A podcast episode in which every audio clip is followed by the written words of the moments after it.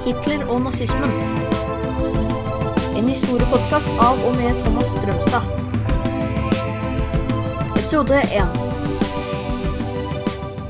Ja, nå er, eh, har vi kommet til fascismen og Hitler. Spørsmålet selvfølgelig man kan stille er hvordan kunne nazismen og Hitler få en så sterk posisjon og vokse så kraftig i Tyskland? Det vi kan si er at eh, Fremvekst av nazisme og eller fascismen var jo veldig sterk. Og Rundt 1930 så hadde da både Portugal, Jugoslavia, Ungarn, Østerrike, Polen og Romania etablert da fascistinspirerte diktaturer. Videre var det da fremtredende fascistbevegelser i Frankrike, Belgia, Nederland, Irland og Storbritannia. I Norge så hadde vi jo Nasjonal Samling, men det var en ganske liten eh, bevegelse før de da kom til makten i, altså da i 1940. Mussolinis aller største fan det var likevel da en østerriker med bart, kalt Adolf Hitler. For å da forstå nazismens fremvekst og Hitlers vei til makten, så må vi da gå tilbake til fredsoppgjøret da i 1918. Uh, Tysklands nederlag under den første verdenskrig var et sjokk for de fleste tyskere. Det gamle, stolte keiserriket var ydmyket, og det stolte folk kjente både bitterhet og skam velt imot dem. Ingen kamper hadde blitt kjempet på tysk jord, og propagandaen hadde fòret tyskerne med lovnader om at seieren snart var i boks. Altså, Tyskerne trodde rett og slett at de kom til å vinne krigen. Så det er klart at når nederlaget var et faktum, så var tyskerne naturlig nok fylt av sjokk og vantro. Snart begynte det å versere rykter om at det var feige forrædere som hadde sviktet den tyske hær. Nettopp dette argumentet var noe Adolf Hitler skulle bruke for alt det var verdt. Myten om dolkestøtlegenden skulle kanskje bli Hitlers sterkeste kort for å få med seg tyskerne på hans ideer. Under fredsoppgjøret i Versailles skulle tyskerne da ydmykes ytterligere. Som vi har vært inne på tidligere, var spesielt Frankrike opptatt av å sette Tyskland skikkelig på plass. Landområder ble tatt fra dem, de måtte da betale en enorm krigsgjeld, og de ble stemplet som en tapende part som det holdt. Landet ble da pådyttet en helt ny styreform, demokratiet. For oss i dag så kan det kanskje høres rart ut at det skulle være negativt, men poenget var at tyskerne var stolt av sitt keiserdømme, og demokrati var noe de egentlig hadde lite erfaring med. Weimar-republikken, som dette nye styret ble kalt, møtte liten begeistring og tiltro blant befolkningen, da de forbandt det med krigen. Den sosialdemokratiske regjeringen som dannet da landets første demokratiske regjering, og som var nødt til å skrive inn på Versailles-traktaten, ble heller uglesett for dette. Den første store krisen for, nazi, for, Tyskland den kom da i 1923, da franske og belgiske militærstyrker invaderte industridistriktet Ror. Bakgrunnen var jo da at tyskernes president Erbert hadde bedt om å få utsettelse på nedbetaling av krigsgjeld, da det store problemer med å sørge for mat og jobb til mange tyskere. Og stor fattigdom, og de mente det at krigsgjelden da ville på en måte gå på bekostning av, av folkets nødvendige behov. Franskmennene tenkte at tyskerne prøvde å lure seg unna si, og gikk derfor inn i det industrialiserte Ruhr-området. Tyskerne ble bare enda mer forbanna, og regjeringen oppfordret faktisk de tyske arbeiderne til å gå til streik.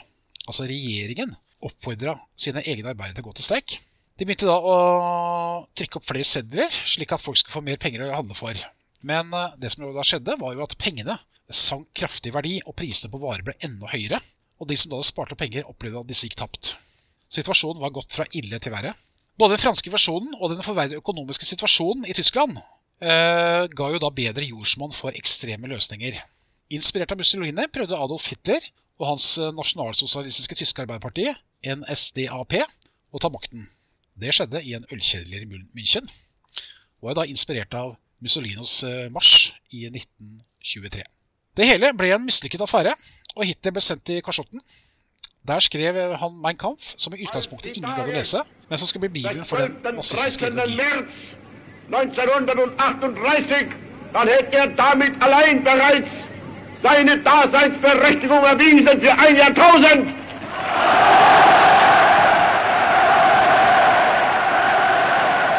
Hva gikk så den nazistiske ideologi ut på? Nazisme var en avart av den fascistiske ideologi. I tillegg mente nazistene at tyskerne tilhørte et herrefolk som var bedre enn alle andre. Det demokratiske styret måtte da avskaffe ettersom de gamle partiene ikke hadde klart å ordne opp økonomien. Nazistene ville forbi fagforeninger og arbeidsgiverforeninger, men la private bedrifter fortsette så lenge de produserte varer og tjenester som staten bestemte. Etter kuppet i 1923 mistet da Hitler og nazistene oppslutning. USA stilte seg opp med penger, Storbritannia og Frankrike og Tyskland å komme inn i Folkeforbundet. Ting så bra ut i Tyskland. Tyskerne hadde det bra, og grunnlag for noe, høyere, noe høyreekstrem oppslutning ble da borte. Så kom jo da børskrakket som vi allerede har vært inne på i 1929. Tyskland, som hadde tatt opp store lån fra USA, ble hardere rammet enn noe annet land. Hitler var ikke så gæren allikevel, tenkte mange, og i 1932 fikk Hitler med støtte av de konservative partiene flertall og dannet regjering. I 1933 oppløste Hitler Riksdagen, forbød alle politiske partier, unntatt sitt eget, og ble Tysklands fører med all makt. Nå var det tid for å gjennomføre alt det som sto i nazistenes program. Etter at Hitler hadde kapret makten i 1933, ble Tyskland omgjort til et nazistisk diktatur. Kun hans eget parti var som sagt tillatt. Sosialister og kommunister ble forfulgt og sendt til konsentrasjonsleirer, hvor mange døde av tortur, sult og sykdommer. Streng sensur ble innført, og til å forfølge og overvåke hadde man da fått det fryktede statspolitiet Gestapo. Det var ved siden av kommunister og sosialister flere folk nazistene ville bli kvitt, dvs. Si folkegrupper de mente var mindre verdt, og en trussel mot den ariske rasen. Romfolk og jøder ble sterilisert, funksjonshemmede ble gasset i hjel, forgiftet eller skutt, Jødene fikk ikke lenger stemme og lov til å jobbe i staten. Giftermål mellom jøder og ikke-jøder ble også forbudt. Målet var å drive dem ut av landet.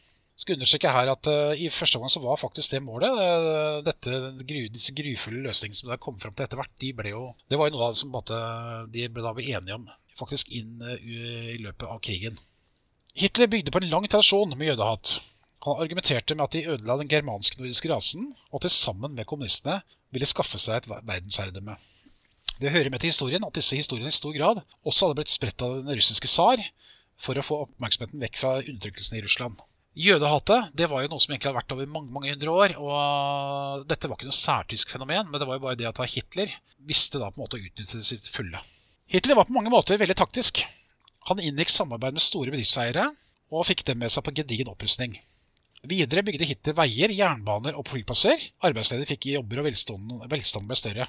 Samtidig bedrev Hitler en enorm propaganda gjennom aviser, film, radio, parader og massemøter. Han hadde bl.a. engasjert dyktige filmregissører som eh, lagde gode, sterke eh, propagandafilmer for, for nazistene. Altså Når vi snakker om gode, så var det selvfølgelig at de var effektive. De unge hadde ikke noe valg om å bli medlem av nazistiske ungdomsorganisasjoner. Jentene ble innprentet i tradisjonelle oppgaver som husarbeid og barnestell, mens guttene da ble opptatt til å bli gode soldater. Vi kan altså ved slutten si at eh, ved å spille på tyskernes bitterhet etter første verdenskrig, manglende erfaring med demokrati, store økonomiske vansker og etter hvert en sterk tradisjon for jødehat, så klarte Hitler å fange mange tyskeres eh, tillit. De som ikke ville føye seg etter ham, ble eliminert gjennom fryktløs terror og undertrykkelse. Hitler hadde nå erobret Tyskland. Neste mål var resten av verden. Hans mål var et tredje rike. Og det kommer vi tilbake til.